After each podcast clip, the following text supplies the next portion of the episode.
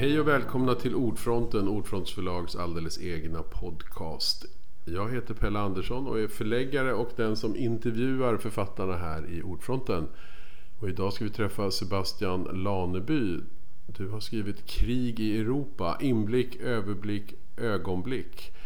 Eh, det här handlar ju om, du fick ju idén och du ringde mig i princip samma dag som kriget, ja det var samma dag, samma som dag, kriget ja. i Ukraina bröt ut. Eller själva Rysslands invasion. Eh, vad, hur kunde du få den tanken just där, just då? Satt du mitt i nyhetsflödet då på Aftonbladet och kände att det här måste på något sätt dokumenteras? Eller vad hände? Jag har ju alltid varit liksom intresserad av de stora nyhetshändelserna, alltså så långt tillbaka jag kan minnas egentligen. Eh, och när kriget bröt ut så var det, då kollade jag alla de här pressträffarna och så och eh, hörde politikernas ord om själva invasionen och tänkte att det här är något utöver det vanliga. För det var det verkligen. Eh, det var liksom den mörkaste dagen sedan andra världskriget. Mm. Och där och då när jag hörde de orden så kände jag att det här måste man göra någonting av. Alltså mm. oavsett vad som händer framöver, om det liksom blir fred om fem dagar så har de ändå sagt det här mm. nu. Eh, och det tyckte jag var så starkt och liksom, eh, kände att det här, går, det här kan man inte bara glömma bort, liksom, även om det blir fred om fem dagar. Mm. Utan de har sagt så starka grejer om den här invasionen och då kände jag verkligen eh, att jag behövde göra någonting. Vad det skulle vara eh, fick jag väl en idé ganska snabbt eh, och hörde av mig till dig då. Mm. Eh, och kände jag kände lite efter coronapandemin för då, då satt vi också där på kvällarna på Aftonbladet och kom ihåg att vi rapporterade om precis i början när det spridit sig till Thailand till exempel mm. så var det liksom någon mystisk smitta i så här svensk paradiset som vi försökte dra lite på. Mm. Eh, och då eh, kommer jag ihåg att vi gjorde en artikel där på kvällen men så sköt vi på den till dagen efter för att det blev något liksom, dubbelmord i Vallentuna. Så mm. eh, det var liksom så här, nu i efterhand kändes det märkligt att skjuta på den här publiceringen av liksom hela coronapandemin. Mm. Eh, men eh, och nu när man blickar tillbaka på det så känns det som att här, om jag hade satt igång med en bok om coronapandemin där och då eh, då hade man kommit, eh, alltså fatta vad mycket, hur mycket man hade kunnat skriva om mm. pandemin och liksom sätta sig in i det. Eh, och sen så bröt kriget ut och då tänkte jag så här, nej, nu, nu gör jag någonting. För att mm. jag, jag, jag, kan inte bara sitta still och liksom inte göra någonting. Även om jag jobbar på Aftonbladet där jag liksom eh, är med och liksom rapporterar om det här mm. varje dag så är det inte jag själv som skriver utan jag tänkte att jag, jag måste, måste skriva om det här. Mm. Eh, och jag har saknat att skriva och sen så ja, men jag tyckte det var för viktigt för att låta bli helt enkelt. Mm. Och är det också så att på en kvällstidning så förstår, alltså ett krig är lätt att definiera också som en stor händelse. Alltså nu var ju det här också en enormt stor händelse, det var inte vilket krig som helst. Men alltså är det där med pandemi, alltså det var otydligare också. Mm. Alltså en kvällstidning kanske, alltså den har vissa ledord som den går Alltså dubbelmord i Vallentuna, det känner man ju direkt. Det är en typisk kvällstidningsnyhet. Nej men precis, precis. att, precis. Mm. Nej, men, och, och, det här var ju definitivt på ett annat sätt ja. liksom, såklart. Mm. Eh, men då, då, som sagt, så satte jag mig och skrev ner lite idéer då skickade in det till dig för att jag kände att det här går också att göra någonting av. Mm. Eh, och den här titeln, Krig i Europa, kom ganska snabbt för mm. att jag, ja, men jag är liksom så här tidningsnörd och samlar på så gamla mm. Eh, första sidor och, och löpsedlar och sådär och tänkte på Expressens gamla första sida från eh, efter andra världskriget, mm. Fred i Europa. Där, mm. eh, och nu har den brutits kan man ju säga. Precis, Freden i precis, Europa. Ja. Precis, så. Lite så tänkte jag. Men sen så, så gick jag in i det här liksom helhjärtat och försökte få tag i alla, alla som gick att få tag i egentligen. Ja, för vi har ju också, det, är, det ska man säga, i boken så är det ju massa sån dokumentation också. Det är massa första sidor och massa löpsedlar och som, som är samlade. Men när man sitter där i det här flödet, är det möjligt att Alltså för jag menar, det tog ju sen en stund för dig att skriva boken och bra att få lite distans. Men när man sitter mitt i det där, är det någon möjlighet att få någon slags överblick? Förstår man egentligen vad som händer inne på tidningen när man just jobbar i nyhetsredaktionen eller som du då, breaking-chef? Mm. Får man någonsin någon överblick eller är det så att det är andra som får överblick? jo, jag fattar. Eh, nej, men jag, jag tänker att eh, där och då man får en känsla av vissa grejer eftersom man håller på med det här varje, varje dag, jobbar med nyheter så får man en känsla av vad som är en grej och inte. Liksom. Eh, men eh, det är klart att det kan vara lite svårt att känna exakt vad det är, men det är någonting. Mm. Eh, sen så får man gå åt sidan lite eller man får typ, när man ligger och sover kommer man på ja men det, det var ju det här som var grejen egentligen mm. och så.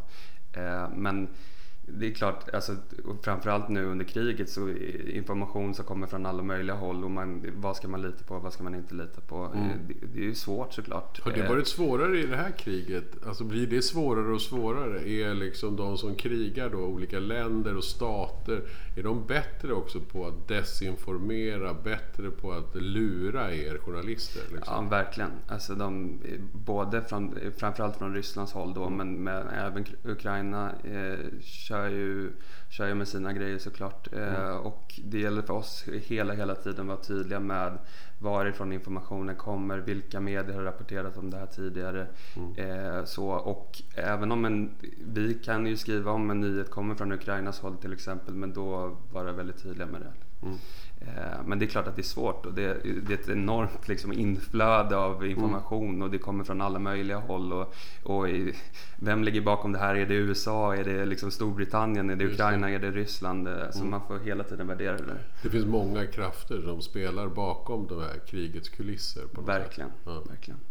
Och hur många hur, hur lång tid tar det då på en kvällstidning eller så innan man har folk på plats? Alltså, hade ni tidigt folk på plats i Ukraina? Det tog, det tog några dagar för oss ja. på Aftonbladet att skicka ja. någon eh, till Ukraina och sen det var ett enormt säkerhetstänk också den här ja. gången. Eh, men i, i, den här boken, eh, mm. Krig i Europa, som, så har jag till exempel eh, intervjuat Lubna Shanti på Sveriges Radio som var, som var ju där när det hände. Vilket var väldigt, det var väl egentligen en slump att hon var där? Ja precis. Ja. Hon skulle, det var några andra som hade liksom fått åka hem från Ukraina precis innan det började och hon skickades dit och tänkte att hon skulle vara där i några dagar bara. Mm. Eh, och sen så vaknade hon upp till ett telefonsamtal från redaktören från Stockholm som ringde mm. henne och sa att det var krig. Eh, och sen eh, har hon varit där mer eller mindre hela tiden och åkt hem till Sverige några gånger och så. Ja, ehm. för du beskriver ju det där i boken, för hon är ju korrespondent på Sveriges Radio. Precis, ska vi säga precis. också. Och hon hade ju typ av med sig väldigt lite kläder och allt, eller hur? Hon var helt liksom... Exakt. Hon, för, ingen förberedelse Ingen tanke på det, liksom, att hon skulle vara där jättelänge. Men, men så blev det och nu har hon varit helt fantastisk mm. där nere och eh, blivit årets stilist och mm. nominerad till Stora Journalistpriset och så. Så att det, det, är lite av en slump för henne också, kan jag tänka mig. Mm. Eh, men, eh, men spännande att höra det här slumpmässigt, liksom slumpartade.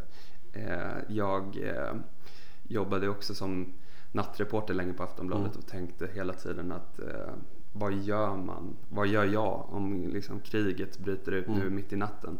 Eh, Precis. Och då det var egentligen min första, första tanke nu när det här kriget bröt ut. Jag tänkte på min kollega Hans Österman mm, som precis, satt på En av de första som du intervjuar i boken. Mm. Precis, han var den allra första som jag pratade med. Mm. För jag tänkte så här, ja men vad gjorde han i natt? Liksom? Mm. Eh, för jag har själv suttit där man sitter där, det är helt, liksom, man är helt solo. Mm. Eh, det, man har hela världen att ta hand om. Liksom. Mm. Eh, och hur gör man då?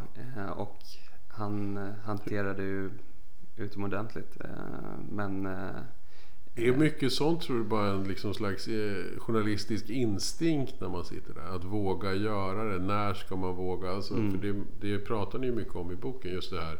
När ska man våga säga att nu är det krig? Mm. Nu har Ryssland attackerat Ukraina.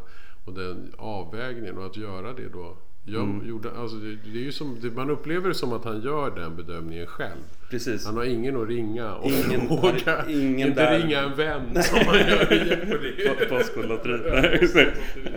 Nej, eh, precis. Nej, han, eh, han tar ju det beslutet helt ensam. Ja. Alltså så, eh, mitt i natten, klockan fyra på morgonen.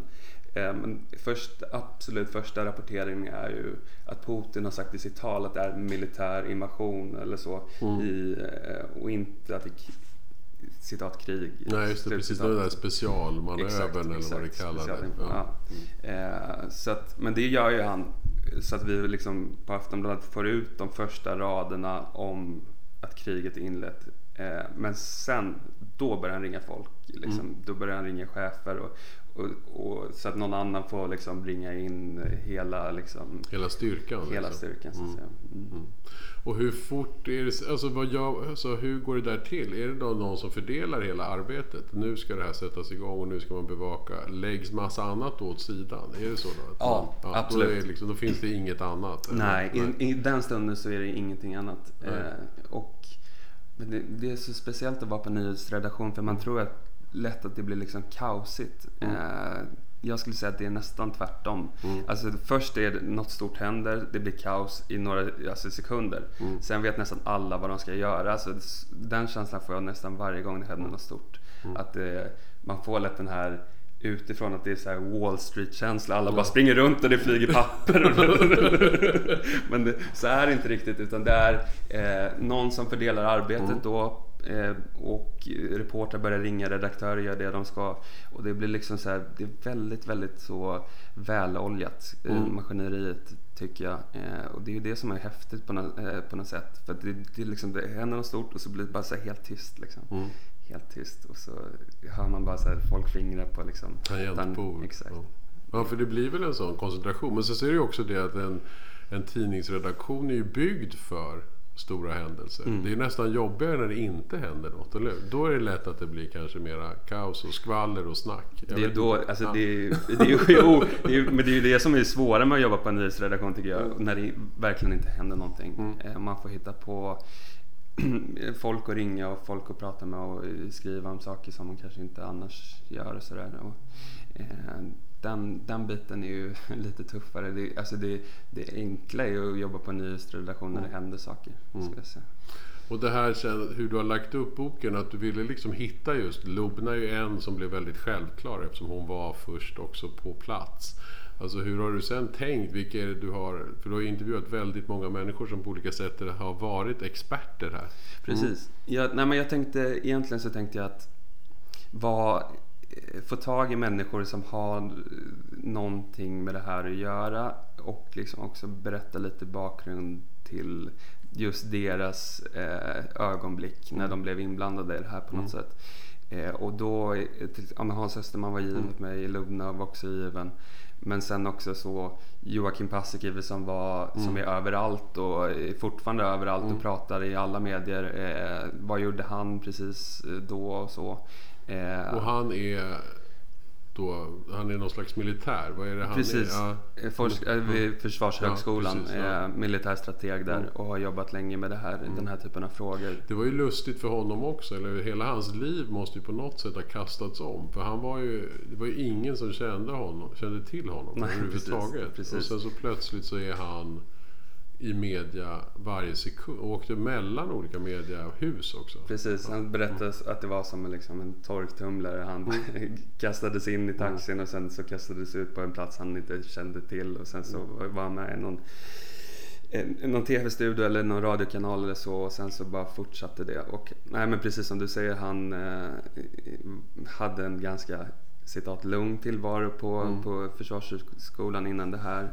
Eh, sen så kan jag tänka mig utifrån medias perspektiv också att han han, han gör sig väldigt bra i liksom radio och TV och han, han kan prata, han är initierad. Eh, han ser också rätt bra ut med liksom sin uniform och liksom så.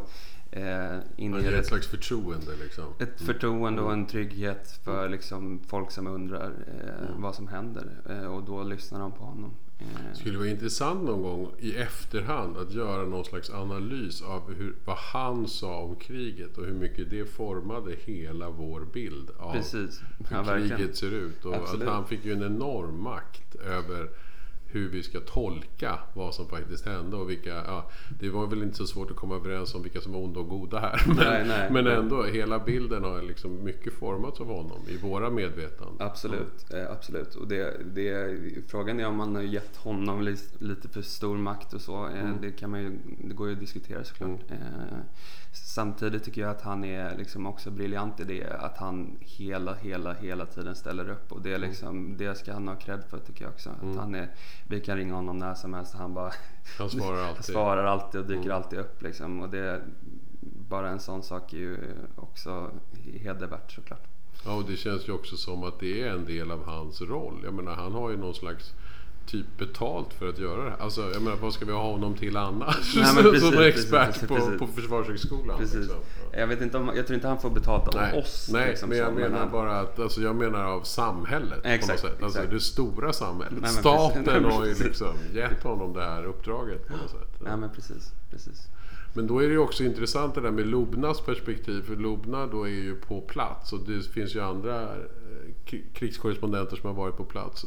Och då blir det ju alltid det här eh, mikroperspektiv, eller de är ju på marken och träffar vanligt folk. Så de här bilderna på något sätt, det är ju de som man sen får på något sätt slå ihop. Och Nej, tänka, precis. Mm, Och det var lite min tanke också Mm. att få in så många bilder som möjligt av det här kriget och alltså, jag ska komma ihåg också att jag skrev den kanske på var det två månader där i början. Liksom. Alltså, det, Det det, gick ju fruktansvärt fort måste vi säga. Ja. Det är en av de sna- absolut snabbast producerade böcker som Ordfront någonsin har gett ut. ja, så att, men jag försökte få in så många bilder som möjligt på Mm. den korta tiden och Mm. det var egentligen tanken. Ehm, och det Även, ja men det är som sagt krigskorrespondenter, experter, även politiker och, och eh, men även så Maxim Grigoriev, författare eh, och eh, framförallt också folk som har flyttat därifrån. Mm. Eh, det tyckte jag var viktigt att få med också. Såklart. Mm. Och där var det ju också intressant för där fanns det ju vissa personer som också hade liksom, som hon, eh, idoldeltagaren. Jag kommer inte ihåg hennes Iana Kovalova. Precis, för att just att hon hade ju varit här och gjort och varit i Sverige i något helt annat festligt samman, alltså ändå Precis. och så, Precis. typ dokusåpa, sång, Mm. alltså Mm. allt det där som är något väldigt fint och roligt. Och sen måste hon tillbaka och sen händer allt det där i Ukraina. Alltså vilken kontrast det är för henne. Jättekontrast och även eh, eh, den, eh, en annan eh, person som jag pratat med, Alla Bidniuk som, som bor i Växjö numera. Eh, hon hade också varit här i Sverige flera gånger tidigare och pluggat här.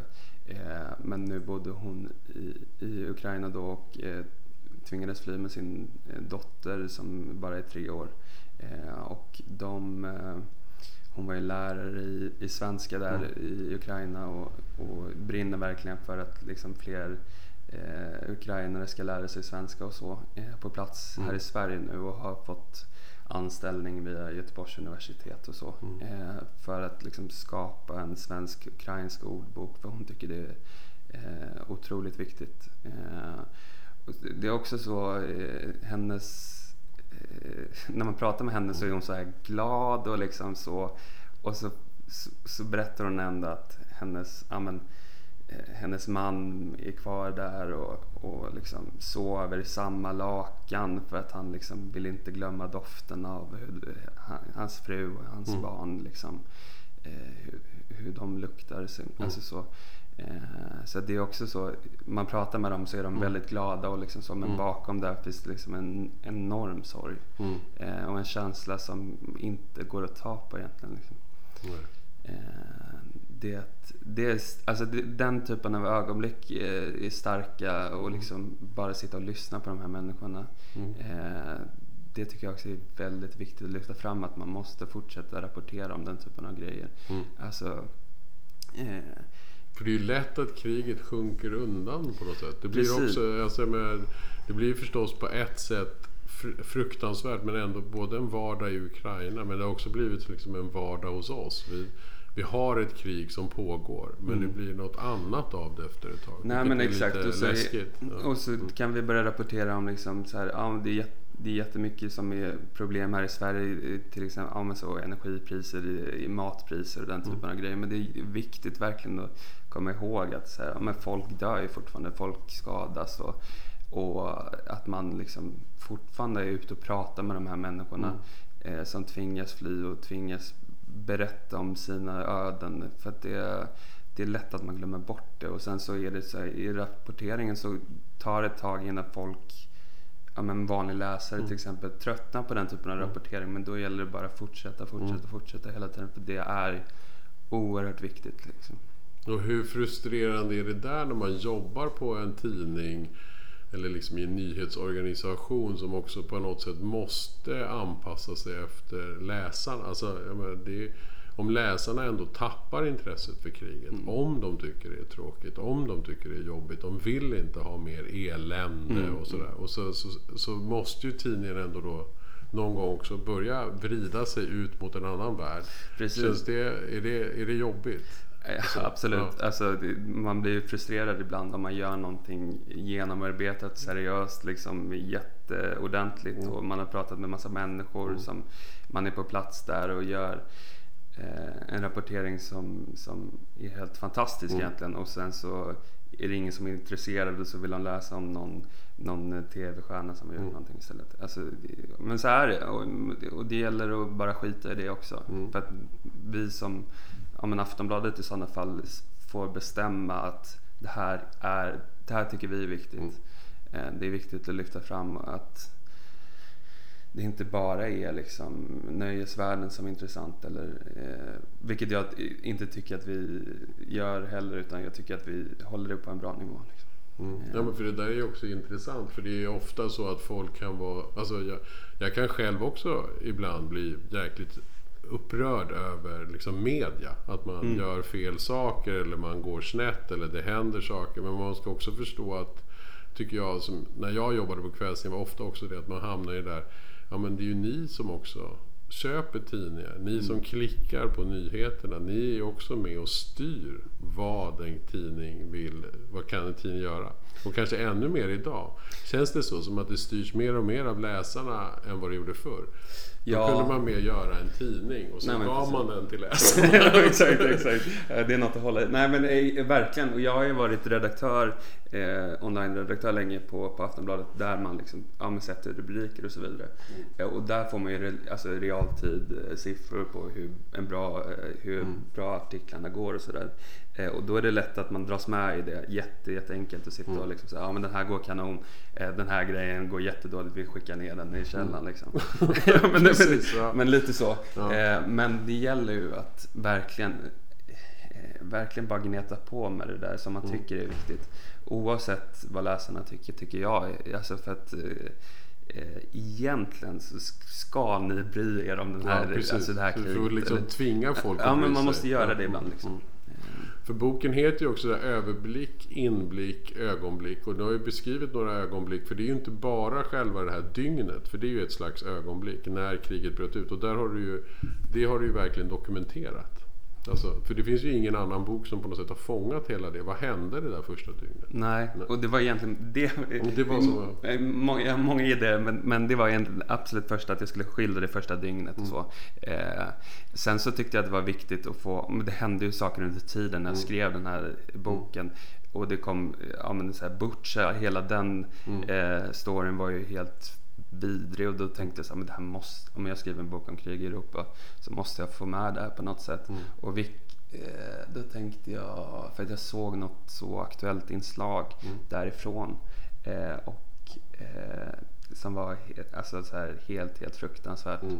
Eh, det bara låg så kroppar i någon källare. Och, ja, precis. Liksom, det var ju så utbrända bilar, men lik oh, i bilar och sådär. Oh, så man, det var länge sedan man såg något liknande och då kände jag att ja, men jag må, nu måste jag prata med Bengt Norborg och e- Emil Larsson som, som var SVTs team där mm. eh, och gjorde det. Och då fick man hela bakgrunden till vad de såg och upplevde mm. där. Eh, men även om att de liksom stod på gatan i Butja och så kommer Zelensky från ingenstans, mm. bara dyker upp där. Liksom, så. Eh, och hur han var i den situationen. Så det, det, blev, det blev bra och, och de var väldigt, väldigt hjälpsamma med att liksom visa råmaterial till Mm. liksom deras reportage. Och det, var, det var ju nästan det var ännu vidrigare i liksom deras... I originalformen. I originalformen, ja. Vi pratade ju om det lite här förut, att det är också en sån avvägning som hela tiden tidningar måste göra, eller media. Mm. Att man kan inte lägga ut vilka bilder som helst. Alltså i den här stressen så förstår man att det är lätt att man faktiskt skändar döda människor och sådär. Verkligen, och då får man hela tiden eh, etiskt överväga om det är eh, jag, jag vet att de fick massa skit för det här reportaget också. Mm. Eh, och ansvarig utgivare var tvungen att liksom godkänna och, och så. Mm. Eh, och där jag har haft en bild av att media länge inte har liksom publicerat bilder på döda personer och så. Eh, vilket förr gjorde man alltid det, men, men nu känns det som att man inte har gjort det på länge. Eh, och när är det relevant att göra det? Den här gången tycker jag att det var det för att det är, det är sån liksom unik världshändelse som liksom vi inte kommer få vara med om förhoppningsvis på många år framöver. Eh, även om det här fortfarande pågår så var den stunden någonting vi inte har sett på länge. Liksom. Nej. Och det är det som också jag tycker är så intressant med boken och blivit bättre och bättre ju mer jag tänker på boken. För det är ju så här också att vi hade ju så bråttom. Ja. Och vi sa ju så här, den skulle helst komma före sommaren och sen blev det eh, till 24 augusti till halvårsminnet av kriget och det var ju också ett väldigt fint ögonblick att vi kunde släppa den just då. Men det är som att man, jag känner så här, den skulle kanske egentligen komma ett år. Alltså, För det är nu man börjar ta in, nu kan man liksom lite, alltså det här med att kriget blir vardag, det är ju ibland också på något sätt, då kan man få lite distans. Precis. Och man kan börja tänka. Och nu läsa boken känns ju inte alls lika akut och Nej. jobbigt. Nu känns det ju som att nu är den rätta tiden att, att läsa boken och få den där bilden. Precis, och, det- och jag tänkte på det när, jag, när, när den väl var tryckt och jag hade den i handen. Att, att, eh, att det var en lite, lite så här tomhet när boken kom. För nu, man har jobbat så otroligt intensivt. Jag jobbade dag och natt med det här. Liksom. Eh, och var inte tjänstledig utan jag liksom satt och, på nätterna och skrev helt enkelt. Eh, och sen så kom den och så tänkte jag så här, ja men kanske inte precis nu jag behöver läsa den eller någon Nej, annan precis. behöver läsa den utan kanske om fem år eller tio år att man Precis. blickar tillbaka vad hände då i, i Ukraina och den, det tycker jag eh, att man ändå har lyckats med då att liksom få den känslan för att eh, de här ögonblicken gör att det blir att man också får vara med lite tänker jag Mm. eh, på, på de olika platserna.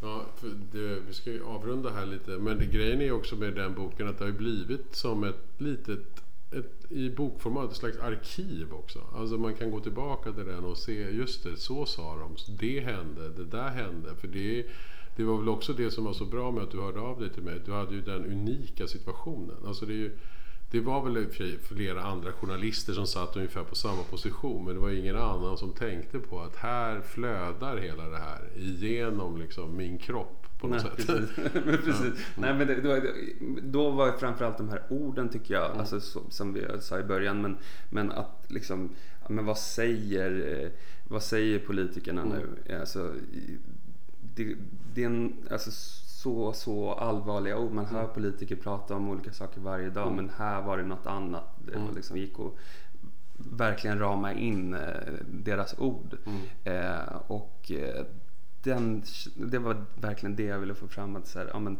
om tio år så sa de så här om invasionen i Ukraina. Liksom. Precis. Och det kan också blir ett minne för oss alla. Men även för dem. En påminnelse om vad de tyckte det var så allvarligt. Men vad har ni nu gjort? Mm, har, precis. har ni fått det här kriget att upphöra? Eller, ja, det finns mycket som man tänker att de, de har mycket att stå till svars för efter ett tag också. Nej men verkligen. Och det, och det är ju också någonting man känner när man är här nu idag. Till exempel. Ja, men det, det pågår ju fortfarande. Liksom. Alltså kriget, kriget rullar på. Det, och det är fruktansvärt att det gör det. Eh, det känns ju... Man får ju ibland vakna i något slags hopp om att det kanske ändå är så att Ukraina kommer att liksom få ut den här invasionsstyrkan på något sätt. Men Mm. sen så faller det tillbaka. Det känns som att det finns återigen nya krafter från Ryssland. Alltså, Det står hela tiden och väger på något sätt. Ja, det kändes i och för sig helt hopplöst från början. Då kändes det som att Ryssland skulle bara liksom meja ner hela Ukraina. Nej, och det var liksom bilderna från när det ligger soldater på gatorna Mm. i Kiev. Ja. Helt, helt, helt overkliga Ja. bilder liksom.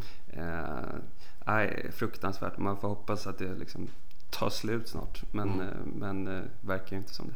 Har det varit en sista bara, har det varit, var det också skönt att sitta och jobba med boken samtidigt som det här fruktansvärda pågick? Även om det förstås var utmattande och jobbigt att sitta på nätterna och skriva bok samtidigt som kriget rullade i, i Aftonbladet. Ja, alltså jag måste göra någonting när det händer jobbiga saker. Alltså så, för att annars blir jag helt galen om man går runt och tänker på det här hela tiden. Då måste jag ja, men den här gången skriva. Alltså, för, att, för mig funkar det ord. Alltså, jag brinner för ordet och det är liksom så skönt att eh, plita ner vad man, vad man tycker och tänker. Men också bara så här rakt rapportera vad jag har varit med om eller någon annan varit med om. Eh, för det blir det är en- det är en utväg som är liksom eh, som ja, men i jobbiga stunder är, är värd att ta, alltså skriva. Eh, det tycker jag också att man ska ta med sig att eh, händer det något jobbigt, sätt dig och skriv. Liksom. Ja, precis. tycker jag var en bra avslutning på vårt samtal.